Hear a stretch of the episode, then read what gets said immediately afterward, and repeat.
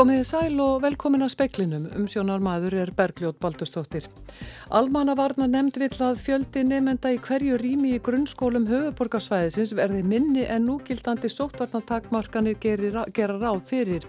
Heilbriðisráð þar að segja að ný skýrsla sem hefur að geima 113 tillögur að aðgerðum til að bæta þjónustu við eldra fólk verði ekki látin liggja upp í hillu.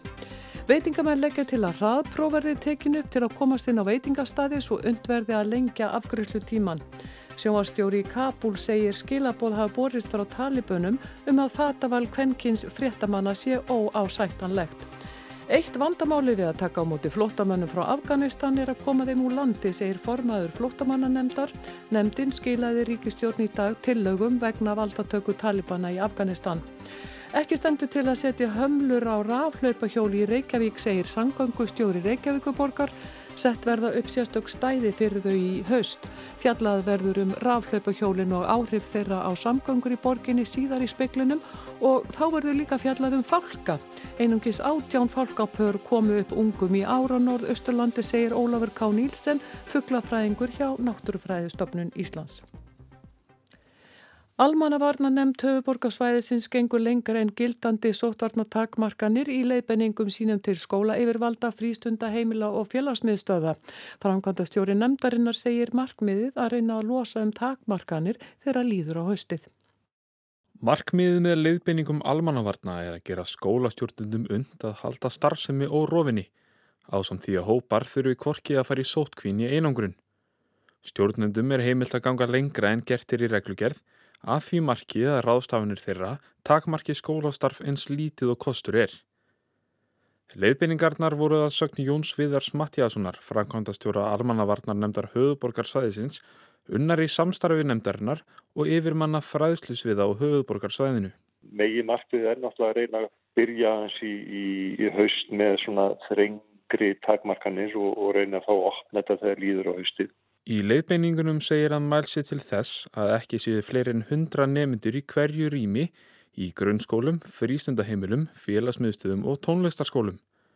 Í leiðbeiningum mentamálaráðanetisins sem keppnar voru út 13. ágúst var hámarkið miða við 200 manns. Það var unur niðurstaðan eftir mikla umræðu hvort að uh, við gætum farið nýri hundra til að fækka þá þeim sem að myndu þurfa að fara í sokku eða kemur upp smitt og menn voru á því að það væri tala sem að flesti getu sett sér við á þess að skerða runnur starfsefinn og mikið. Sagði Jón Viðar Mattiasson, Andri Magnús Eistensson talaði við hann. Veitingamenn leggja áherslu á leiðir til að lengja afgryslu tíma veitingastada en fylgja jáfnframt sótvarnarreglum. Þeir eru mjög ósáttir við tillögur sótvarnarleiknis um veitingahúsarekstur næstu vikur og mánuði. Skimanir til að komast inn á veitingastadi er ein af hugmyndum veitingamanna. Veitingamenn lögðu fram nokkrar tillögur og fundi með ráðherrum í dag um hvernig undsi að lengja afgreðslu tíma veitingahúsa. Hraðpróf eru ein leiðana sem veitingamenn leggja til. Hvað sem það er að fólk fái ákveðin svona PCR-próf, hraðapróf og geti þá sínt fram á neikvæða nýjastu og geti þá farið inn og þetta er verið að gera þetta erlendis og við munum reyna að bærast fyrir því að þetta verði gert hérna, leifveld líka á Íslandi. Í yfirlýsingu sem stjórn samtaka fyrirtækja í veitingarekstri sendi frá sér í dag förðar stjórnin sig á því hversu hardar aðgerðirnar í geiranum séu. Sóttvarnarleikni leggur til að veitingastöðum, krám og skemmtustöðum verði loka klukkan 11 að kvöldi næstu mánuði í það minsta. Á sama tíma bendir stjórn samtakana á að hundru manna hópist á aðra staði, til dæmis alþjóðaflugvöllin í Keflavík, í verslanamiðstöðvar á sundstaði og í líkansræktarstöðvar. Veitingamenn fengu vilirði á fundinum í dag fyrir því að fjalla verðum tillögur þeirra á næsta ríkistjórnarfundi og við þetta sjáum það alveg að fólk fyrir heimdi sín bara í heimapartí og annað slikt í staðan fyrir að það er inn á stöðan hjá okkur og það eru dyrverðið, þú ert að skráði og það eru metisregla og sitjandi service og við heldum að það sé bara mun betra að vera inn á stöðum okkar heldur en að vera í heimapartíum þar sem enga reglur eru. Sagði Arnar Þór Gíslason, Ólaf Rún skóladóttir talaði við hann. Flóttamanna nefnd gekk í dag frá tillögum sínum til ríkistjórnarinnar um hvernig bregðast eigi við valdatöku Talibana í Afganistan. Tillögurnar verða ekki gerðar ofinberar fyrir en ríkistjórnin hefur tekið afstöðu til þeirra líklega á þriðjudag í næstu viku. Stefán Vagn Stefánsson, formadur flóttamanna nefndar, segir að meta hafi þurft hversu mörgum flóttamönnum Ísland geti tekið á móti og hverjir séu í forgangi. Hann nefnir þar konur og börn en segir fleiri hópa koma til greina. Jú, það eru mörg flækjustu í þessu og ástandið er náttúrulega graf alvarlegt og það eru allir sem gera sér grein fyrir þessari miklu neyð sem þarna er og hún er hræðileg og, og sporin hræða svo sannlega eh, varðandi þessa stjórn talibana. Þannig að það er allir mjög meðvitaður um að það þarf að vinna mjög hratt. Eh, vandamálið er eh, og hefur verið síðustu dag hvernig komum við fólkinu út Uh, og, og hérna það er nú svona virðist vera aðeins að opnast á það. Það er komin loftbrú frá Dönum. Danir eru komin með uh, loftbrú frá Kabulflugull til Íslamabad í, í Pakistan og þaðan síðan til Kaupmannahafnar. Það er eitt af þessum málum sem við höfum verið að skoða hvort við getum uh, komist inn í það. Sagði Stefán Vagn Stefánsson Talibanar hafa gert aðtúasemdir við klæðaburð kvenkins fréttaþula í afgönskum sjómarstöðum. Stjórnandi sjómarstöðvar kallar eftir skýrum skilabóðum frá talibönum en segir mikilvægast nú að tryggja öryggi starfsfólks. Saad Mohseini, yfir maður sjómarstöðvarinnar Tóló, segir í samtali við BBC að honum hafi borist óljós skilabóð frá talibönum um að ekki sé ásættanlegt hvernig fréttakonur sjómarstöðvarinnar klæðast í útsendingu. Undanfarin 20 ár hefur úrval fjölmiðlega í Afganistan aukist svo um munar. Týjir sjómanstöða senda út á hverjum degi og næstum 200 útvarstöðar. Móseni segir að hittist talibanar gefa út tilskipunum klæðaburð hvenna í sjómarpi skulu þeir gera það í stað þess að senda tilvinniða tjent skilaboð þess efnis. Hann hveðst þeirra skoðunar að talibanar sé að koma á einhvers konar þindri útfærslu sjarjalaga til að fá veröldina til að trúa því að þeir séu eftirlátt samari en forðum. Móseni segir að sjómanstöðin stundi sjálfsriðskoðun þessa dagana með því að senda ekki út efni sem alltaf hefur verið þyrnir í augum talibana. Meginverkefnið sé nú að tryggja öryggi allra 400 starfsmanna stöðvarinnar en Móseni álítur að nokkrir sé í bráður í lífsættu. Svo séu aðri sem vilja ekki eiga heima í Afganistan talibana og þeim verði hjálpað að komast á brott. Það geti þó orðið þrautinn þingri enda upplausnin enn mikil við flugvallin Móseni er þungorður í gard vestætnaríkja sem hann segir að hafa átt að sína meiri ábyrð við brott hvarf hersveita sinna. Magnús Þórhalsson sæði frá. 113 aðgerðir eru lagðar til svo bæta megi heilbreyðistjónustu við eldra fólk. Skýrsla um þetta var kynnt á heilbreyðstingi í dag. Svandís Svavastótti segir að unnið verði áfram með tilugurnar og skýrslan ekki látin falla í glemsku. Það er nefnilega þannig sem við hugsaum þetta að þetta sé raunverulegu grunnur fyrir stefnumótun í þessum mikilvæga málaflokki og við höfum sínt að áður með eh, heilbriðsþingum að, að þar eru við að kalla til mjög viðtæks samráðs til þess að leggja grunna stefnu sem að verður síðan notuð og, og síðan verður aðgerraállin á grundvelli hennar og hún verður fjármögnuð og svo framvegis.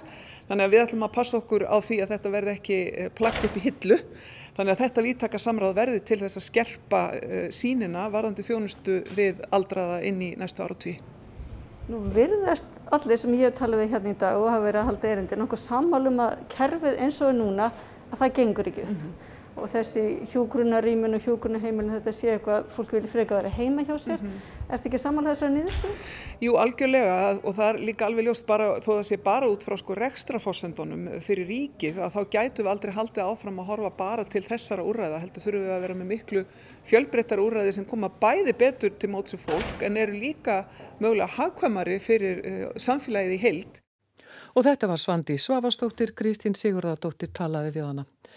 Kristín Vala Ragnarstóttir, professor í jarð og sjálfbærni fræðum við Háskóla Íslands sagði í upphás ávarfi á fyrsta upplýsingafundi lofslagsverkfallsins í dag að Íslendingar verði að lýsa yfir neyðar ástandi í lofslagsmálum.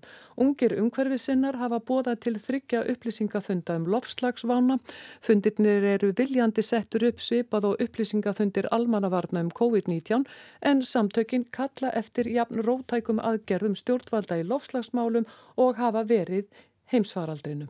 Það stendur ekki til að setja neinar hömlur á rafskútunótkunni. Reykjavík segir samgöngustjóri borgarinnar. Stemt er að því að byrja að setja upp sérstök stæði fyrir rafskútur í haust. Speillin spáir í framtíðina í samgöngumálum. Ég heiti Hjalmar Gíslason. Ég er framkvæmstjóri stopnandi fyrirtæki sem heitir Grid, hugbúnafyrirtæki og hefur rosalega gaman að því að pæla í framtíðinu og svona nýjum hlutum. Og þú notar rafmaks hlaupahjól, rafskútur? Já, ég nota þetta freka mikið, nokkur sinnum í viku. Ég bý tilturlega miðsvæðis og vinn tilturlega miðsvæðis, eh, þannig ég lappa yfir litt í vinnuna. En svona ef ég þarf að skjótast og hitta fólk eh, sem oft er þá einhver staðar svona tilturlega miðsvæðis, þó lengra oft heldur en ég myndi kannski endilega að lappa, þá er þetta alveg frábært að grýpa einhverja af þessum svona raf hlaupahjólum sem eru í þessum leigum Eh, þau eru yfirleitt ekki langt undan og hérna maður er fljótur að komast á milli staða, þarf ekki að leita bílastæði þegar maður kemur á leðarenda.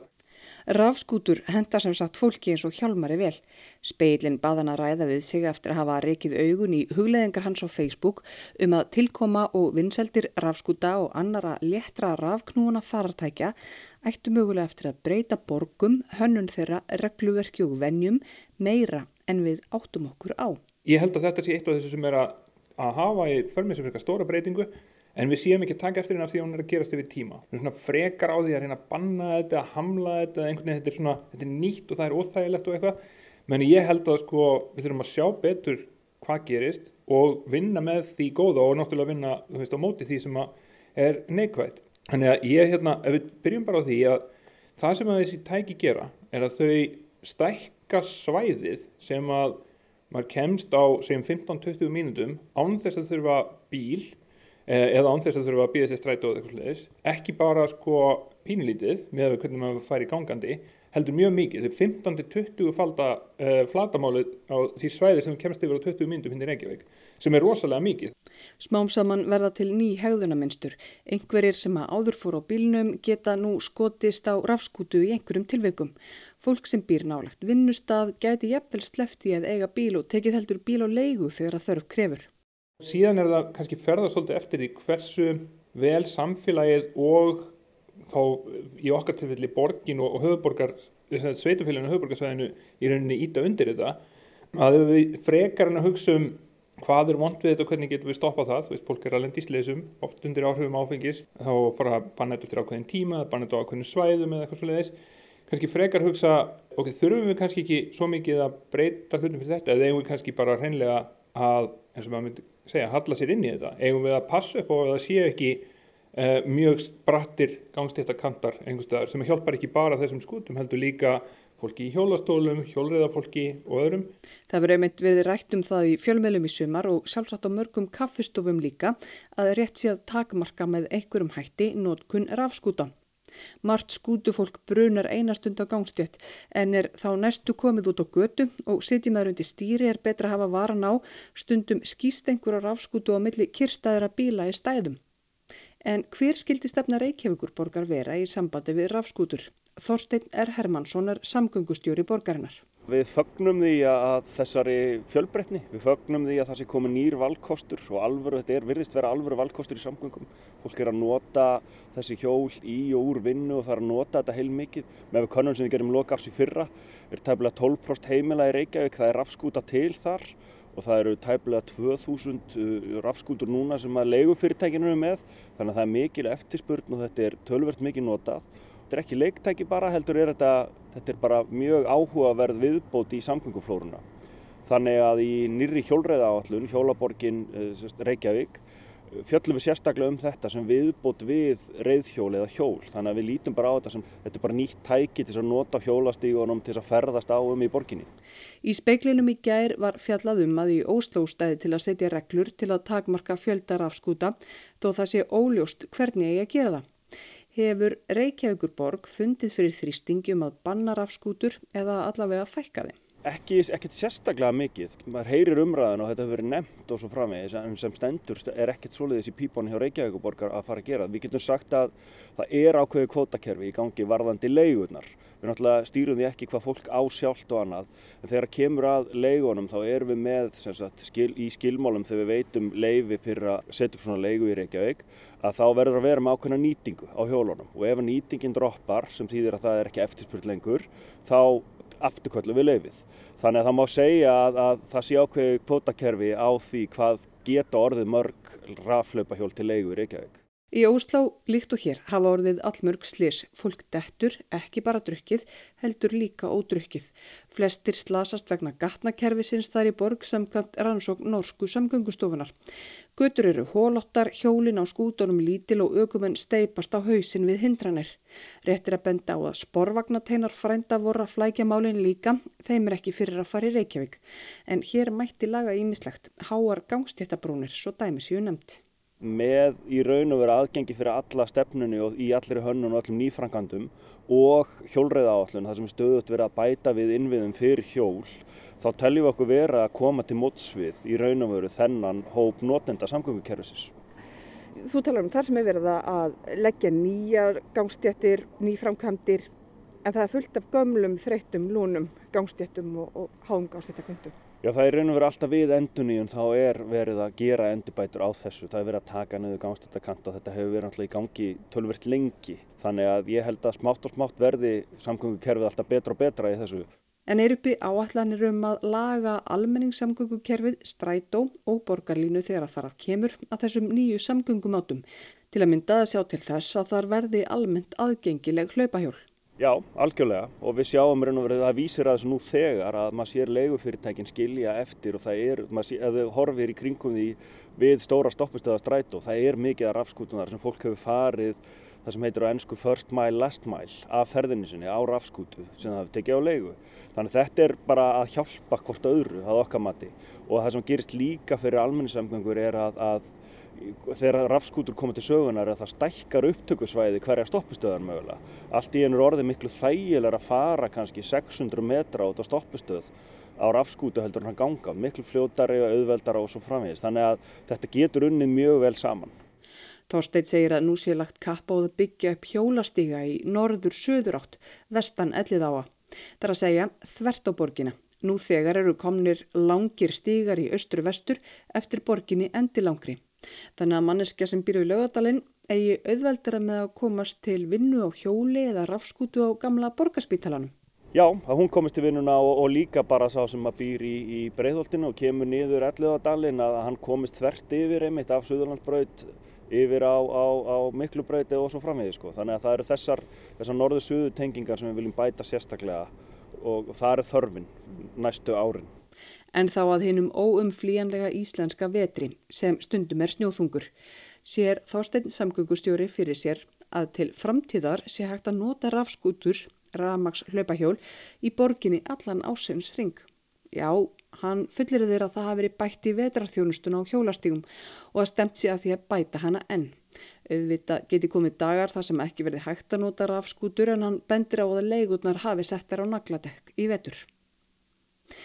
Eitt er það sem gerir gangandi og hjólandi vekkfærandur alveg gráherða, svo ekki sé minnst á þá sem nota hjólastóla eða keira barnavagna. Það er þegar að rafskútur lagt eða hún bara lögð þvert yfir gangstjett og aðrir eiga erfitt með að komast leiðar sinnar. Þorstein vonast til að hægt verða að greiða úr þessu í samvinnu með þeim sem leia hjólin út. Við erum að skoða núna að fara að setja upp ákveðna staði þar sem við merkjum stæði þar sem þú átt helst að skilja svona hjóla eftir. Þannig að veist, það, það mun aðeins skýrast betur en það var svona freg að sapna þið meira saman þannig að bæði notandin viti heyru það er alltaf hjól þarna á þessu stæði og líka bara að það er auðveldra fyrir leiðurnar að pikka upp á þjónustöðu. Þannig að það, það, það er eitthvað sem kemur. Heldur það svo langt í það? Nei, ég held sé stutt í það, ég held sé bara í haust. Sagði Þorstein R. Hermansson, samgöngustjóri Reykjavíkuborgar. Það er ekki bara krakkar og ungmenni sem að nota ramaslöpahjólinn. Heldur nýtur ferðamáttin líka vinsælda hjá miðaldra fólki í allskynns erendagjörðum. Speilin hefur séð sælabankarstjóra, renna niður lögavegin á rafskútu. Hort á eftir jakkafattaklætum embættismönnum utanryggisraðunitisins, bruna út rauðaróstíg og upp flókagutu. Og frjast hefur af háskólaprófísor á rafskútu með blómvönd handa frunni. En af hverju heldur Hjálmar Gíslason að fólk á miðjumaldri í skrifstofuvinnu sé ferða að nota hlaupahjól af öllum heimsins faratækjum? Þetta er praktist fyrir marga en svo er þetta líka ótrúlega skemmtilegur ferðamáti.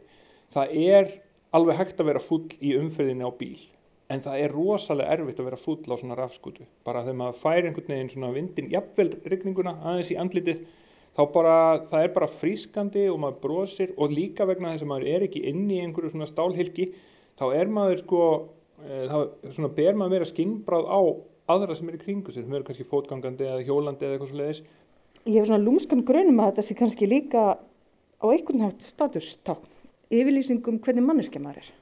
Ég held að það geti alveg verið rétt veist, það má líka velta fyrir sig hvað er orsök og hvað er afleðing erum við að sjá ákveðna típur af fólki meira á þessu en aðra vegna þess að þær eru bara í eðlisinu nýjungakjarnari eða þú veist tilbúnari að prófa, prófa hluti og eitthvað svo leiðis. Ég efast um að það sé einhver sem að sko lappar út og seg, hugsaður ég ætla að fara á rafskútu vegna þess að þá er ég cool. Veist, er, ég held að það sé sko, ef við að lega okkur að segja þetta í hináttina, þú hérna, ert cool og þess vegna notar þér rafskútu sagði Hjálmar Gíslason framkvæmtastjóri Gritt sem sjálfur notar rafskútur. Ragnhildur Torlasjus talaði við hann og Þorstein R. Hermansson samgöngustjóra Reykjavíkuborgar.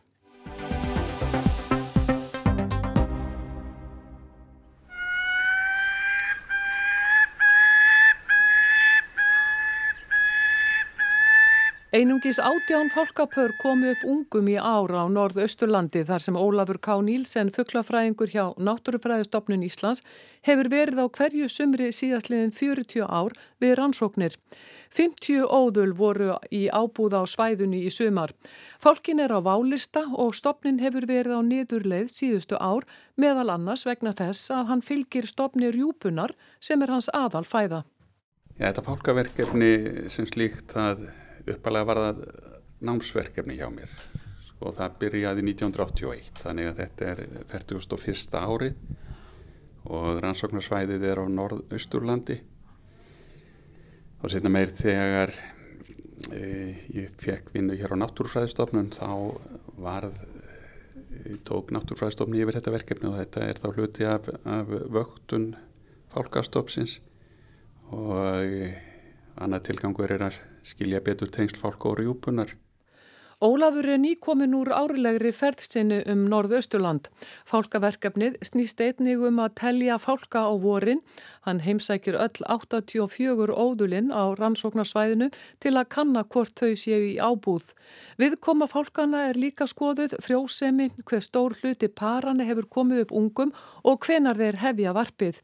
Fæðusamsetningin er metin og aðalega kannad hver stór hluti rjúpan er af fæðunni það árið.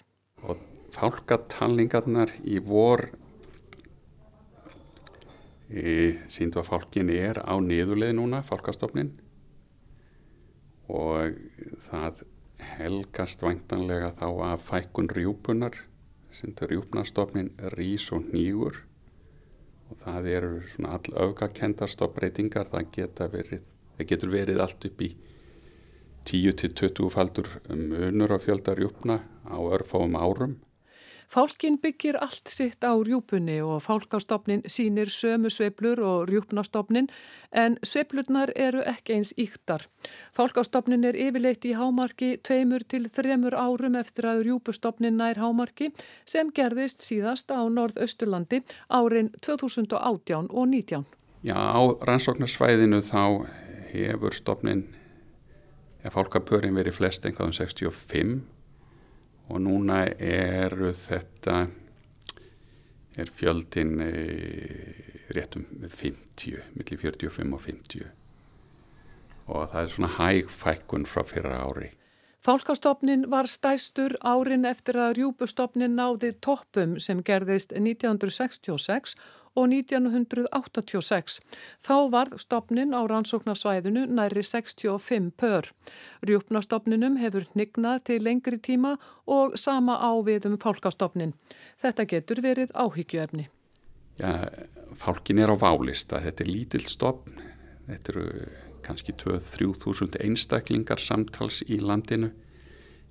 Hann er nú, hann er nú ekki uppnámi stopni núna sko en, en hérna en svona framtíð hans helgast eins og ég segi af ástandir rjúpnastofnsins svo lengi sem það er heilbriður rjúpnastofn í landinu þá verða hér fálkar. Fálkarnir verða kynþróska þryggja til fjögura ára og helga sér óðul eftir það þar sem þeir búa alla æfi.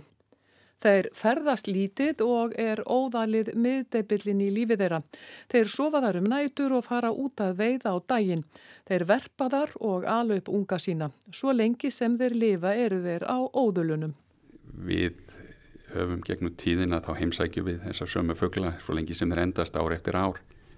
Fullorðin fálki, eða fálki sem að nær kynþórska aldrei hann á það jafnaði, er svona meðaltæli þá lifaði cirka 8 ár sem kynþróska fugglar þannig að við erum að heimsækja sömu fugglana ár eftir ár og, og það er náttúrulega auðvitað að þekkja þá eða eru litmertir en síðan eru líka litarenginni og, og hérna þeir eru mismöndi í skapinu það atfellið þeirra.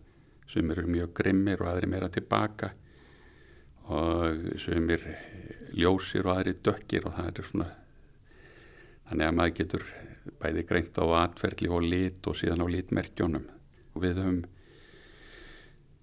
fyllt sumum fugglum eh, æði lengi. Það mann eftir hvem fuggli hérna í Mývarsveit sem við hún endist í einn 15 ár á óðalisk þannig að hún var 17-18 ára þegar hún dó Niðurstöðurnar sína að fálkanum er að fækka. Heldur færri óðul eru núna í ábúð en voru í fyrra. Hámarki rjúpunni var 2018-19 þannig að það er sjálf sér við því að búast að fálkastofni sé nú á liðnuleið. Og e, já, e, varandi fæðumsamsetninguna þá endur speiklar hún e, bara ástandur júpnarstofnsins á hverjum tíma. Þannig að rjúpan Hún vó eh, tiltölulega lítið meða við önnur ár í fæðunni nú í sumar. Svo mældu við líka frjósemina og hún helgast bæði á rjúpnafjölda og eins tíðarfari. Og lukka fólkans varandi frjósemina hún ræðst í mars og april. Erfitt getur verið fyrir fólkan að hefja varp ef kallt er í mars og apríl. Kvennfuglin þarf nokkrar vikur til að fita sig upp fyrir varpið. Hún hættir að veiða og karlfuglin ber í hana mat og þá einungis rjúpur á tíma tilhugalífsins. Í upphafi er hún í kringum 1500 grömm en ef karlin er döglegur er hún orðin 2 til 2,2 kíló í byrjun varpsins. Kalt var fyrir norðan núna í lokvetrar sem hafði áhrif á samt örjúknaleysinu. Ég sagði áðan að þetta hefði verið hvað eh, um 50 óðul í ábúð en það voru, komist ekki ungar upp nema þá að átjána þessum óðulum. Þannig að stærstu hluti parana var geltur og suma pöruna sem reyndu varp eh, mistu undan sér afræktu. En sem þetta átján komu ungum á legg og þessi pör voru verpa mjög seint.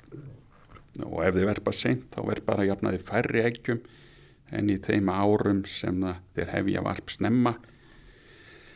Þannig að, að þau var að verpa seint og, og hérna eggjafyldi hreðrum var eh, lágur og, og þar að leiðandi voruð með fáa unga núni í lok sumas en tíð var góð í sumar þannig að þeir sem annað borð urpuð sem þeir eh, komu sínum ungum ágætlega fram